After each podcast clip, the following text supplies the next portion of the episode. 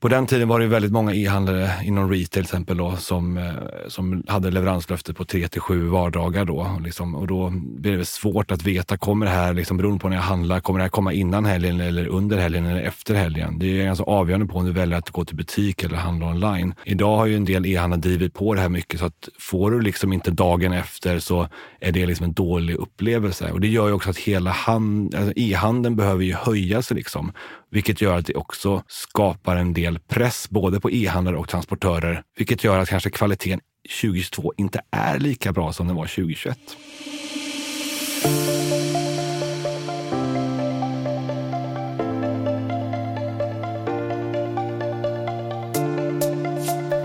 Hej och välkommen till Detaljhandelspodden avsnitt nummer 47. Vi som pratar är Jonas Arnberg och Magnus Olsson. Och idag har vi ett fantastiskt eh, gästpar som är ju stjärnor på e-handelshimlen. Eh, jag vet inte om jag ska kalla er Mats Axel eller Enshift, men det ska vi reda ut. Vi kommer ha ett samtal om läget i e-handeln. Vad händer på logistikfronten? Hur ser ni på e-handelsfrossan som äger rum nu och framförallt framtiden? Varmt välkomna Mats Fischerström och Axel Lindgren.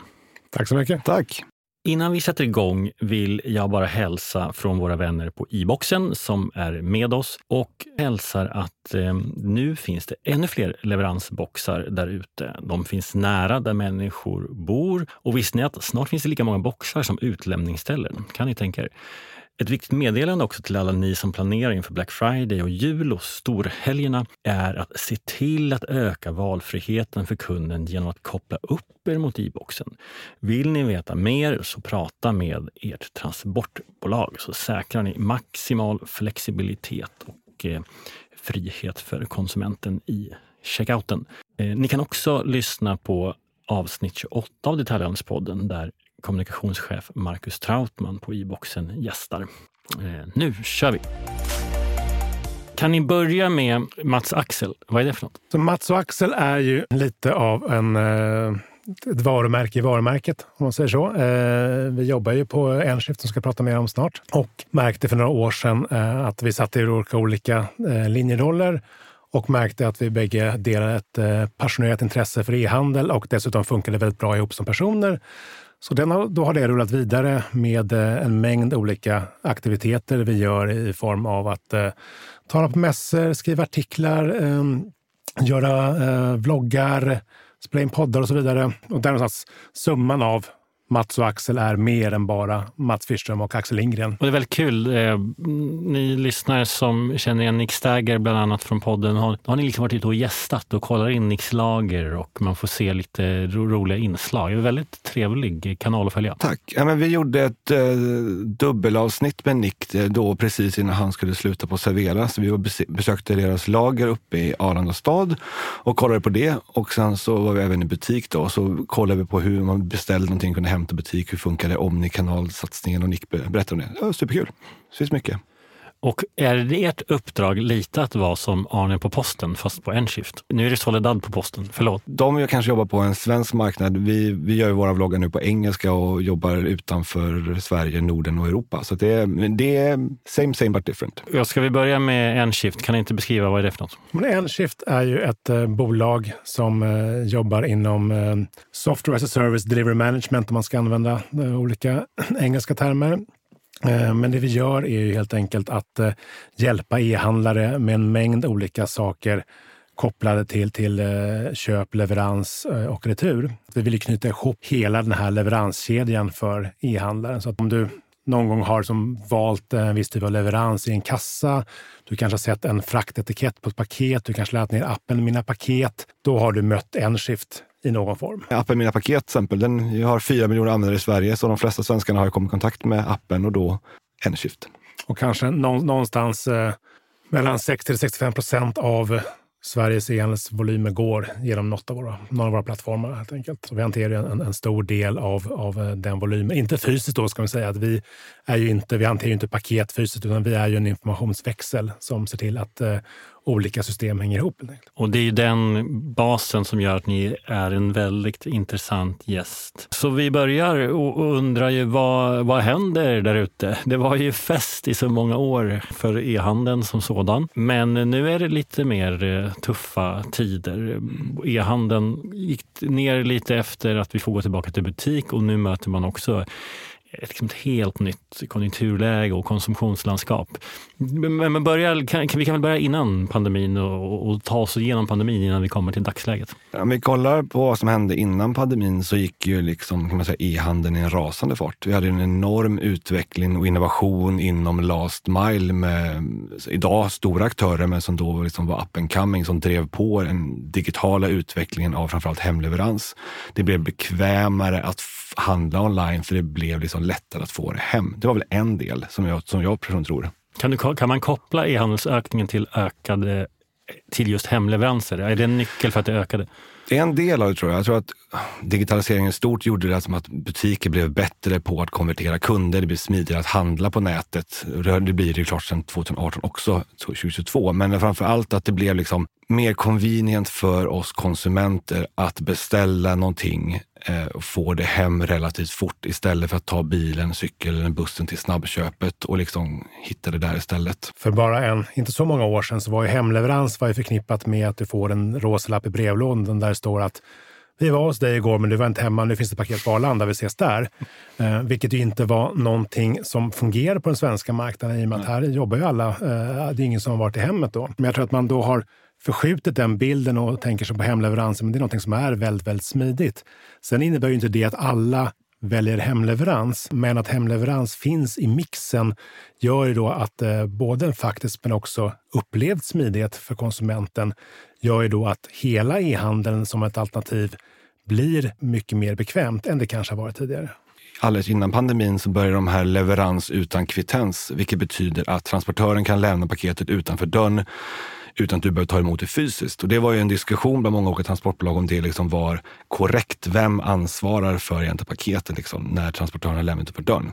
Och när det sen blev en sett standard och klart växlades upp under pandemin, då blev det ju ännu lättare för både konsumenter och transportörer att man inte behövde ha någon kontakt ens. De kunde, de kunde lämna paketet när som helst utanför din dörr och så kunde du plocka upp det när som helst. Ja, men det är väl verkligen det som har lyft hemleveranserna, att man inte måste vara hemma. Ja, och nu måste du vara hemma en del gånger ändå, konstigt nog. Men, men ja, det, jag håller med, det, det blir bättre i alla fall. Varför? Är det när det är vissa typer av varor eller värden eller när måste man vara hemma och inte? Ja, både och tror jag. Framförallt är det om vi kollar de här klassiska receptbelagda mediciner, då måste du kunna kvittera mot en legitimation eller Systembolaget eller den typen av saker. Eller om, trans, om e-handeln har ett gods som är så pass eh, värdefullt där de vill att chauffören ska kvittera godset mot liksom, ja, legitimation eller underskrift eller någonting i alla fall. Liksom. Pandemin var ju ändå en katalysator som drev på utvecklingen ännu mer. Vad, vad tror ni e-handeln hade varit utan en pandemi? Väldigt hypotetisk fråga, men, men det finns ju ändå liksom en, en mognadsfas efter en stark tillväxtfas ofta. Vad, vad tror ni? Ja, men det har accelererat den utvecklingen och, och e-handeln nådde ju kundgrupper som man inte hade nått annars. Man pratar mycket om segmentet med, med, med, med lite äldre eh, som inte kanske hade den digitala vanan och då inte riktigt behövde vänja sig heller, men sen var då tvungna eh, och då kunde då anpassa sig och, och insåg också att ja, men det finns ju faktiskt massa fördelar med det här också. Och det är klart att den eh, kundgruppen den försvinner inte bara, utan den, den finns ju kvar. Eh, så att, eh, så att det blev en brantare kurva. En utveckling som förmodligen kanske skulle skett ändå, men, men, men över längre tid. Så, så blev det ett litet hack i kurvan helt enkelt uppåt. Framförallt tror man att den kundgruppen är kvar för vissa kategorier. Mm. Sorry apoteket, men till, till exempel apoteksvaror. Liksom. Medan mat, där är det nog många som går tillbaka till butiken. Där, där, där tror jag både och. Jag tror att när man mötte kundgrupper inom e-handel förut så kollade man mycket på det 18 till 55. Man, de här 55 till 75, 80 var ju inte så här, ah, det är så få som gör det ändå. Men nu tänker jag, om man bara kollar på, på mina svärföräldrar, de hade väl aldrig handlat en sak online matmässigt. Då, tänker jag. I pandemin började de göra det och nu kan de tycka att det är rätt nice att handla alltså, du vet, mjölk, mjöl, tvättmedel. De här fyrkantiga, tunga varorna kommer hem i ett paket och sen kan de handla liksom färskvaror i butik. Så det, det, är nog en mix där. Jag tror inte alla går tillbaka till butik. Jag tror att... Okej, okay, och sen eh, vaknar vi upp nu. Vad händer? Ja, men det blir ju en, en kombination av, av flera saker. Eh, och det är klart att eh, vi visste ju redan från början att eh, när vi ska jämföra när, när vi öppnar upp igen och då har vi jättejobbiga jämförelsesiffror under pandemiåren som det är klart blir tufft att, att mäta sig mot. Det då kombinerat med, ja men det är klart att det blir lite nyhetens behag igen, gå tillbaka till den fysiska butiken och, och, och tycka att det är kul. Då ser vi lite den effekt där också. Men det vi kanske inte hade räknat med, med var ju liksom eh, krig och övrig lågkonjunktur eh, som, som då, då, gör att, att det spär på då en, en, en utveckling som redan var på tillbakagång och man nu hamnar i ett läge där såklart, men för det första så kommer vi konsumera generellt mindre än tidigare. När vi liksom betalar högre räntor, vi betalar mer för elen, då har vi mindre pengar kvar att röra oss med. Så det är inte så konstigt att då sjunker ju liksom handeln eh, i stort och då påverkar det e-handeln också. Men det som jag tycker är intressant och som vi spekulerar lite kring, att men klarar sig e-handeln bättre eller sämre än fysisk handel kopplat till det här? Så vad tänker du där Axel?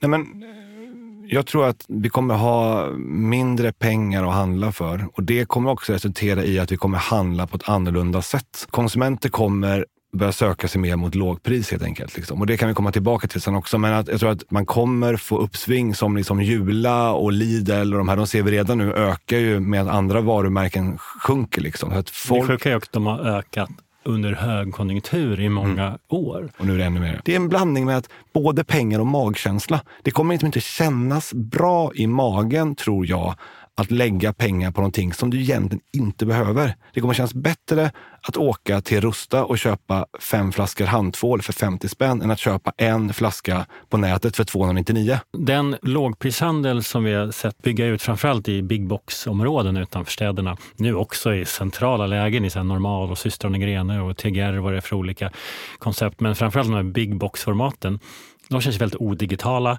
Väldigt mycket att låg hyra.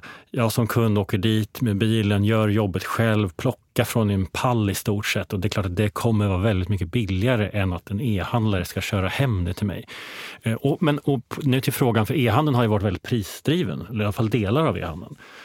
Eh, kommer liksom den fysiska handeln bli hetare nu eftersom de har ett väldigt attraktivt lågpriserbjudande? Ja, men jag tror det. Det är som du säger, det är svårt att priskonkurrera med, med att du går och åker själv och, och eh, plockar eh, från en pall.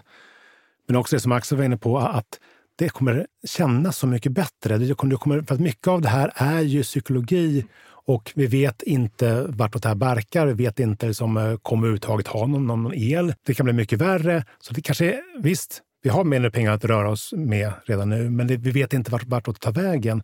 Så då känslan att ja, men nu gör jag faktiskt en insats. Nu åker jag och, eh, till, till lågprisvaruhuset och, och eh, handlar. Bunkrar billigt tvål. Ja, det, det känns bra i magen. Det kommer på samma sätt som vi bunkrade toapapper i pandemin kommer vi bunkra handtvål och liksom tvättmedel och ja, du vet, så här, eh, mjölk som du kan ha i rumstemperatur och såna grejer. En spaning som man kan se som kom, kommer säkert påverka oss konsumenter hur vi tänker och även då betal, betalningsviljan eller hur vi betalar, både eh, framförallt online, då, det är att Tidigare har vi sett en väldigt uppsving då för eh, fakturor som Buy Now, Pay Later, vilket har liksom varit en stor framgångssaga såklart. Och nu kan man se, kommer det vara så att jag som konsument kommer mer vilja använda mig av direktbetalning för att jag ska veta hur mycket pengar har jag på mitt konto när elräkningen ska betalas? Eller kommer det bli så att fakturan kommer eller fortsätta öka för att du kommer inte ha några pengar, men du kommer vilja konsumera? Det beror lite på, på varför man använder Buy Now Pay Later. Och därför är det, klart, det är klart att pratar om betalbolagen så är att den stora fördelen är att du betalar först när du har varan i handen. Det minskar liksom risk och osäkerhet kopplat till e-handelsköpet. Men det är klart att det finns en komponent också att om jag betalar om 30 dagar, då har jag fått en ny lön eh, mellan liksom köpet och betalningen, vilket då kan göra att jag kanske köper någonting som jag inte hade pengar för just då. Och sen är frågan vilken av de här effekterna eh, som är starkast. För som Axel säger, det är bra att ha en förutsägbarhet i eh, vad, du, eh, i vad du kommer betala. Men det är också, har du inga pengar och behöver köpa vissa saker så är det klart att då kommer du lockad att ta med faktura under finanskrisen i USA så fanns det ju butiker då som du gick in och betalade en del av varan. Och sen några, någon månad senare när du la den sista betalningen, då fick du varan. Mm. Omvänd. Liksom. Ja, det är väl det som De brukar säga i amerikansk reklam så här, five easy payments. Så är det en din. Liksom. Och jag tror också att det, det här vi pratar just nu kommer nog få facit på under liksom Black Week och Black Friday. För då kommer du verkligen få se om folk kommer vilja skjuta upp betalningen eller betala på en gång. Vad tror ni kommer hända med e-handlarna? Det är konjunktur och det är allmänt armod. Men samtidigt så har ju många också tagit höjd för att man faktiskt ska öka försäljningen med tanke på strulet som har varit i de globala logistikkedjorna. Kommer vi få se en, en första liksom, total utförsäljning innan liksom, vi, vi går in i någon form av normalläge igen? Att man säljer av de lager man har.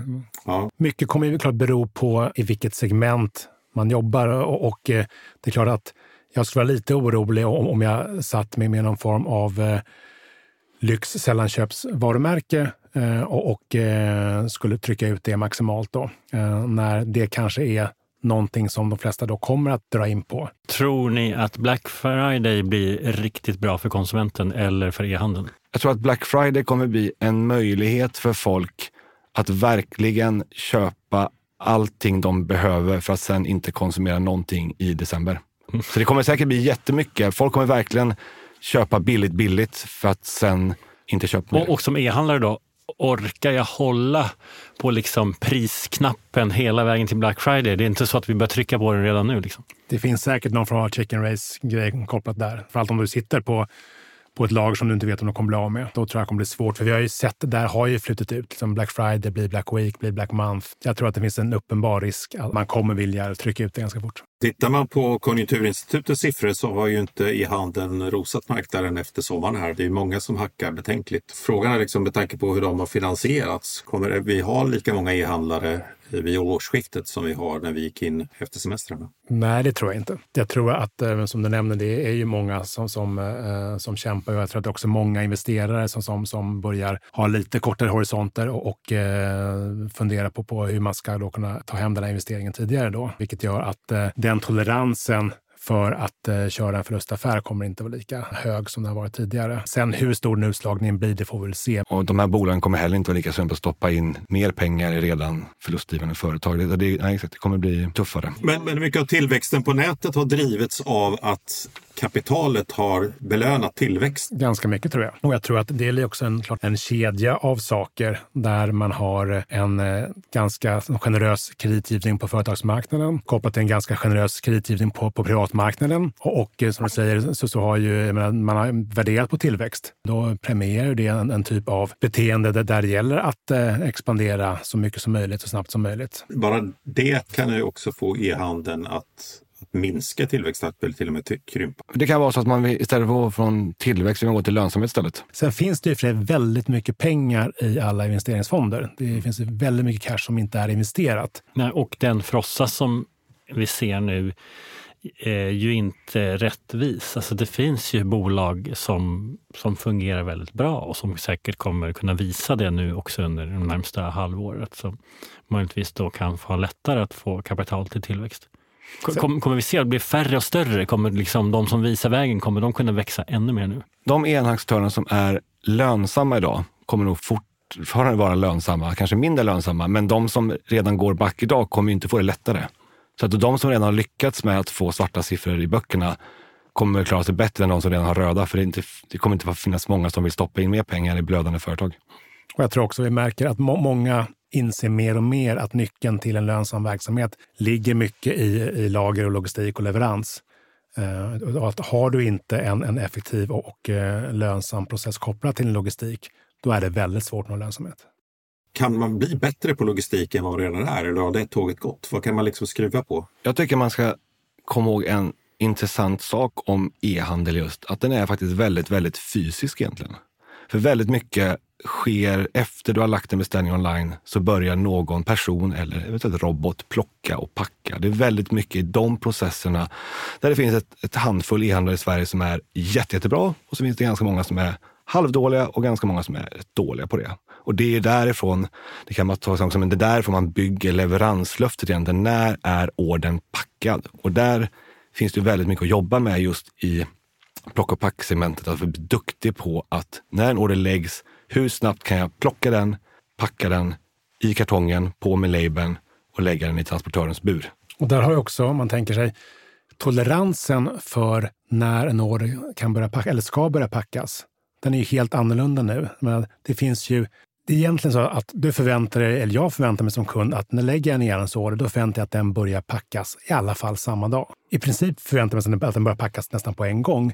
Men att få ett meddelande ett par dagar senare och inte ens veta vad som händer med ordern och sen ett par dagar senare, ja men nu har vi börjat packa den. Det är ju helt orimligt, men det är ganska många aktörer. Och inte minst de som kanske kommer ifrån en logistikprocess som är bara eh, utvecklad för eh, butikspåfyllnad det är klart att en, en e-handelslogistik är ju ganska annorlunda mot en, en, en traditionell butikspåfyllnad. Så ribban har ju höjts. Du måste vara väldigt snabb och men också med Axel du måste kommunicera med kunden så att jag vill ju veta att någonting händer. Jag vill inte bara stirra in i ett svart hål när jag lagt min order. För att nu någonstans, jag är ju i ett köpläge, jag har ju konsumerat, jag vill bli bekräftad av att det här var en bra grej och att då ingenting händer, det känns som att jag har lagt pengarna i sjön. Så även om det inte själva paketet kommer hem snabbare till mig vill jag gärna direkt få kommunikationen att nu har vi tagit emot en order och nu händer det här. Och... Ja, absolut. Att, att någonting händer. Sen att det kanske vissa är lite snabbare än andra. Det kanske må ha hänt och det kanske är så också att eh, den här, det har varit väldigt mycket press på att få ut saker så fort som möjligt och, och leverera nästa dag. Det kanske i takt med att du köper mer och mer saker på nätet och har, kanske har fyra, fem olika ordrar på en gång, då kanske det inte är samma, klart beroende på vad du köper, men det kanske inte är samma behov att varenda en av de ordrarna går så himla snabbt. Du kanske vill se eh, att eh, ja, vi kanske kan samla upp de här och, och eh, leverera dem i, i en eh, sändning eh, på fredagen. Nu är vi ganska långt därifrån för det ska mycket konsolidering till mellan leveransbolag för att det ska ske. Men jag tror att när det gäller vad konsumenten skulle vilja ha och förvänta sig, det är inte alltid säkert att det liksom snabbast är godast. Var finns det mest att göra tycker ni i logistikkedjan? Alltså är det, så här, är det på lagret eller är det innan lagret eller är det sista milen? Var, var finns det mest att göra? Det är ganska få transportörer idag som inte klarar att leverera nästa dag inom Sverige. Eh, om man bara får det i en hyfsad tid. Men det bygger ju då på att du kan lämna lagret tillräckligt fort. Och sen är det klart att, att ju bättre process du har, desto längre kan du sälja under dagen fram till den här cut-off-tiden då du måste få ut det i buren då. Så att där kan man nog göra ganska mycket. Sen kan man ju komma ihåg också att vi pratade tidigare om vad som hände innan 2018. På den tiden var det väldigt många e-handlare inom retail till exempel då, som, eh, som hade leveranslöfte på 3 till 7 vardagar då. Och, liksom, och då blir det svårt att veta, kommer det här, liksom, beroende på när jag handlar, kommer det här komma innan helgen eller under helgen eller efter helgen? Det är ganska avgörande på om du väljer att gå till butik eller handla online. Idag har ju en del e-handlare drivit på det här mycket så att får du liksom inte dagen efter så är det liksom en dålig upplevelse. Och det gör ju också att hela hand, alltså e-handeln behöver ju höja sig liksom. Vilket gör att det också skapar en del press både på e-handlare och transportörer. Vilket gör att kanske kvaliteten 2022 inte är lika bra som den var 2021. Hur är det med investeringar i e-handelslogistik då? Var, hur snabbt får man tillbaka sina pengar? För att om jag nu är e-handlare, eh, marknaden viker lite, eh, kraven har ökat som ni säger, eh, jag behöver investera i pengar för att driva marknad, så måste jag ju fundera på liksom, vad, vad gör jag i vilken ordning? E-handelslogistik lite, i vissa fall har blivit liksom en hygienfaktor för att få affären. Vad, hur, hur ska man tänka där? Det beror lite på vad man har för utgångspunkt också. Eh, det är klart att, att kommer man ifrån ett läge där man har haft en leveranstid på 3 till 7 dagar ospecificerat då kanske inte det första man ska sträva efter är att ha ett fullständigt automatiserat lager med, med, med pack och plock eh, där du kan få ut på lager på en halvtimme. Den återbetalningstiden skulle i så fall vara ganska lång, för det ska man veta också att det tar ganska lång tid att trimma in de här sakerna så att de, de fungerar tillräckligt bra och det beror mycket på vilken typ av artiklar du har. Allting fungerar inte att automatisera och allting behöver inte automatiseras. Ofta handlar det också om att kanske segmentera ditt lager. Du kanske har en viss typ av artiklar som passar jättebra att ha ett automatlager. Sen kanske du har andra som är lite otympligare och du aldrig kan göra på det sättet. Då kanske det är fine att de inte har riktigt samma flöde så länge du är tydlig mot din konsument. Men nu har du lagt nu har du köpt ett kylskåp här och då är det en lite annan process. Det kommer vi inte skicka ut samma dag. Ni var inne på att hemleveranserna ökat. Hur tror ni att eh, Last Mile ser ut om, säg fem år? Jag skulle vilja dela upp frågan lite där. Jag tror om vi pratar vad som händer med eh, last mile närmsta 12 månaderna kan vi säga då kanske. Vi kan börja där. Så tror jag att vi har det här lilla hacket i skivan just nu. Som vi pratade om tidigare, så jag och Mats tror ju på att den här eh, känslan av att spara pengar kommer att vara viktig och det kanske är så att på samma sätt som konsumenterna börjar leta efter lågpris så kommer man börja även leta lågpris inom leverans.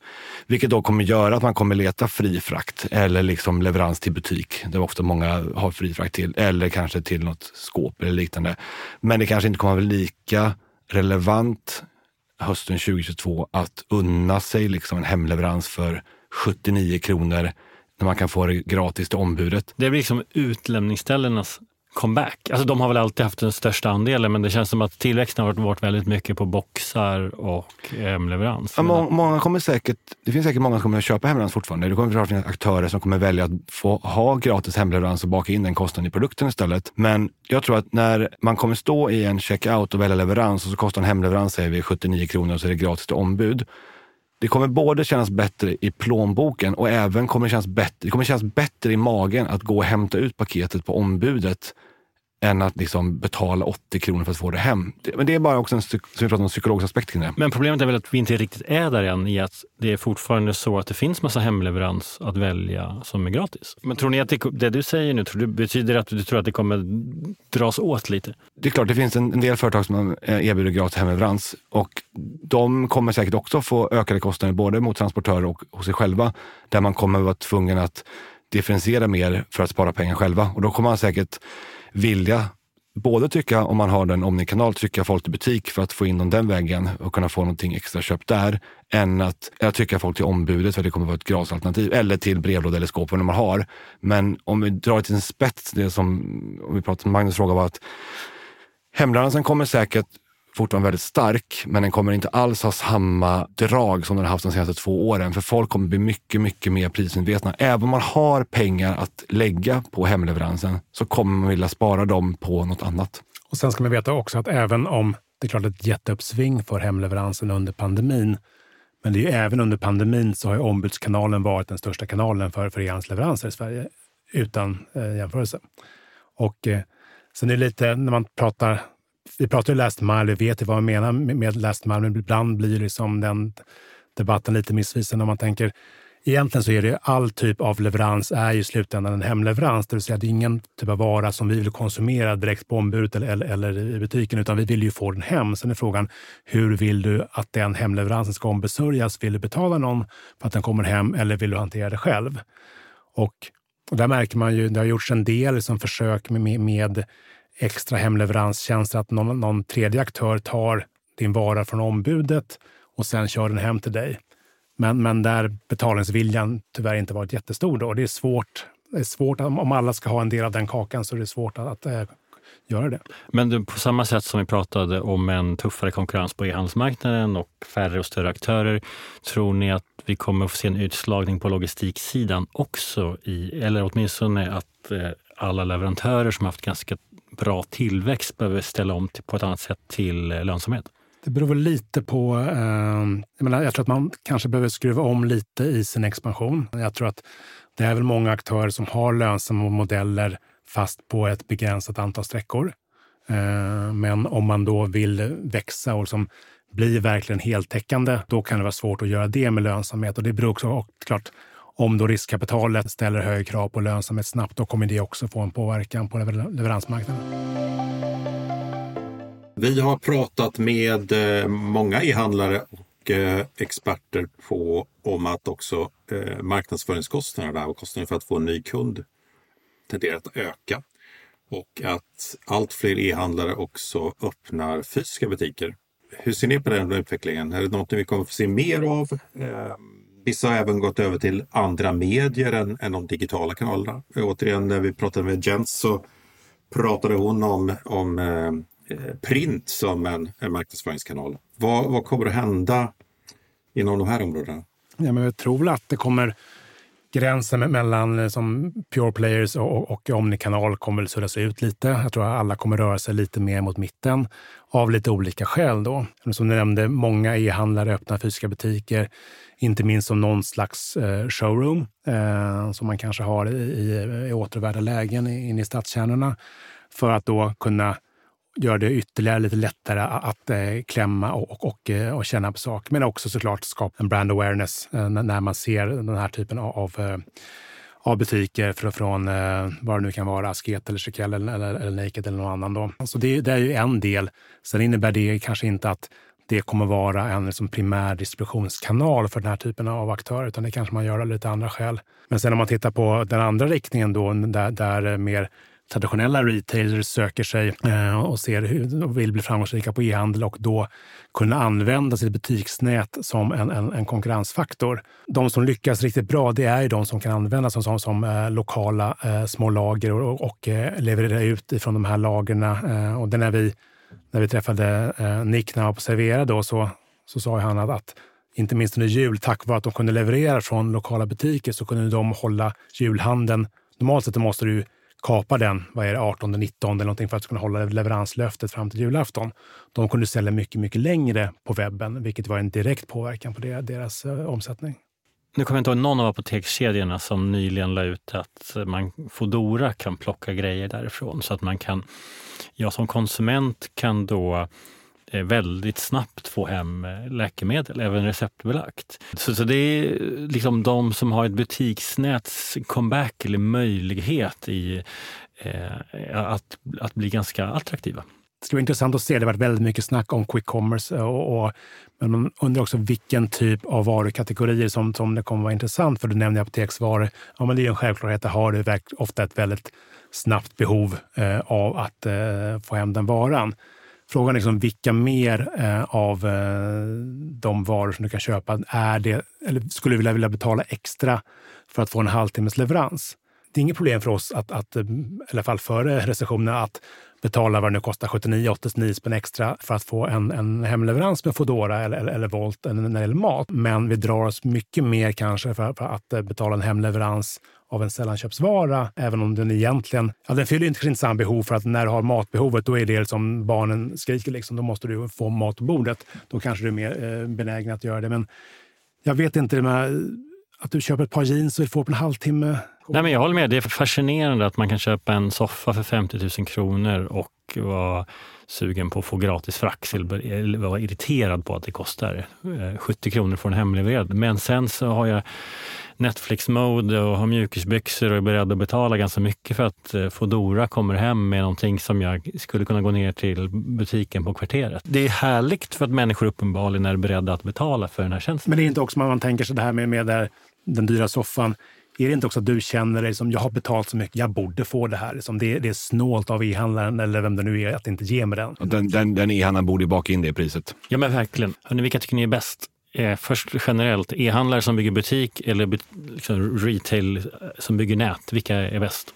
Generellt har man väl pratat om att de som oftast börjar online och går till butik är oftast bättre än de som börjar butik och går online. För det är många som har svårare att göra digitaliseringen. Sen är det väldigt få personer som har börjat online som blivit stora framgångsrika i butik. Det är inte helt lätt. Säg att det kommer som från en e-handlare och du kanske har värsta idén att, att nu, nu ska jag ha ett eh, butiksnät och som en, en integrerad distributionskedja.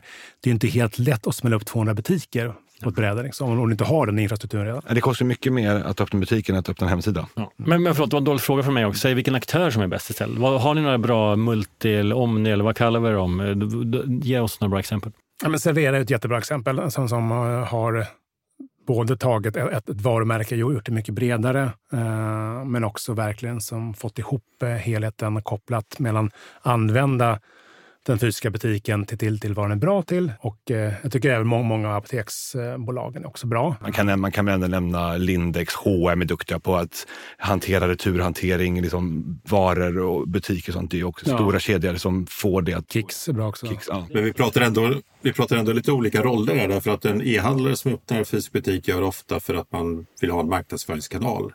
Medan de traditionella eh, kedjorna eh, använder det som en del av sin logistik, sin e-handelslogistik. Absolut, men, men jag, tror att eh, det är säkert många e-handlare som, som, skulle önska att om de kunde bränna upp 200 butiker på ett bräde skulle vilja göra det. Eh, sen kanske kanske det inte låter sig göras, men, men inte kanske så mycket för, för att eh, ha, ha butik, men, men att ha de distributionslägena och därmed kunna liksom komma ner i leveranstid.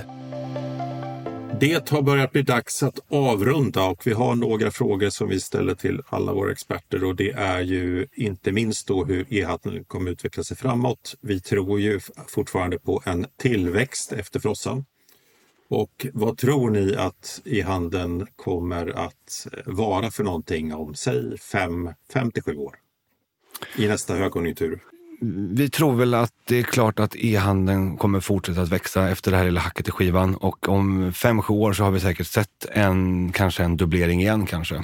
Och jag tror att det är klart att e-handeln kommer vara en en naturlig del eh, i, i handeln. Mycket har snackats om att eh, vi kommer inte prata liksom, e-handel och retail, vi kommer prata commerce generellt. Och jag, jag, tror fortfarande att vi kommer ändå att eh, se att det är en, en viss skillnad. Men jag tror också att e-handeln kommer inte ha något egenvärde i sig. Att det är den form av nyhetsbehag och beställa saker på nätet, är ju, den är ju passé. Utan det är mer att man kommer handla på nätet när det är mer bekvämt. Man kommer handla fysiskt när det är mer bekvämt. Och för er på Enshift, vilka är de stora skillnaderna för er och ert erbjudande då jämfört med idag?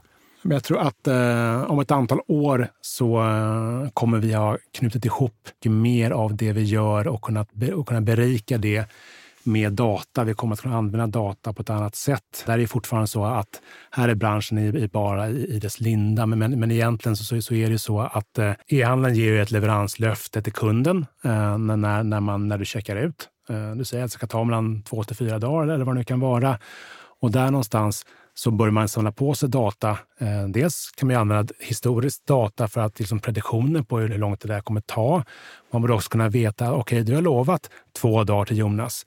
Men då borde den ligga i Rosersberg nu. Det gör den inte. Varför ligger den inte där? Okej, men om den inte gör det utan den är kvar i Tyskland, då kanske det är bättre att notifiera Jonas då att det här kan ta en dag extra. Här får du en rabattkupong på 50 spänn. Och sen följa upp. Okej, hur är egentligen, när vi säger två till fyra dagar, hur ofta håller vi oss inom det? När vi gör det, blir våra kunder nöjdare då? Eller spelar det mindre roll? Då kanske vi borde fokusera på att optimera någonting annat. Och där finns det en mängd data eh, som man kan knyta samman och göra det både bättre för slutkund och för e-handlare. Ja, och hela det här post-purchase som man brukar prata om, där kommer vi lägga en hel del energi och klart och liksom arbeta smidigare och bättre för att både låta transportörer och e-handel och slutkonsumenter liksom tjäna mer pengar och vara nöjda helt enkelt. Det finns väldigt mycket man kan hjälpas åt där vi kan vara en enabler liksom, helt enkelt. Nej, men det jag tar med mig också det är att vi har pratat en hel del om att man måste ha koll på läget. Det finns mycket data som man inte använder eh, i liksom hela köpresan. Men också det här att, att man faktiskt måste ha koll på varför, varför har jag personal i butik? Vad ska de göra där? Vad ska de tillföra i, i värdeskapande? Så att det finns ju fortfarande mycket eh, liksom klassiskt optimeringsarbete att göra där ute. Mm. Och så måste ni som lyssnar börja följa Mats och Axel som man ju gör både på LinkedIn och då får man del av alla videosläpp. Det är bara att följa oss där så dyker vår härliga e-handelslogg upp där och massa annat kul. Mats Fischerström och Axel Lindgren från Enshift, men också från eh, Mats och Axel. Tack så jättemycket att ni var med och eh, gav den här bilden om, av läget för alla lyssnare. Och ni som lyssnar, stort tack att ni var med. Vi hörs snart igen. Hej då! Hej då!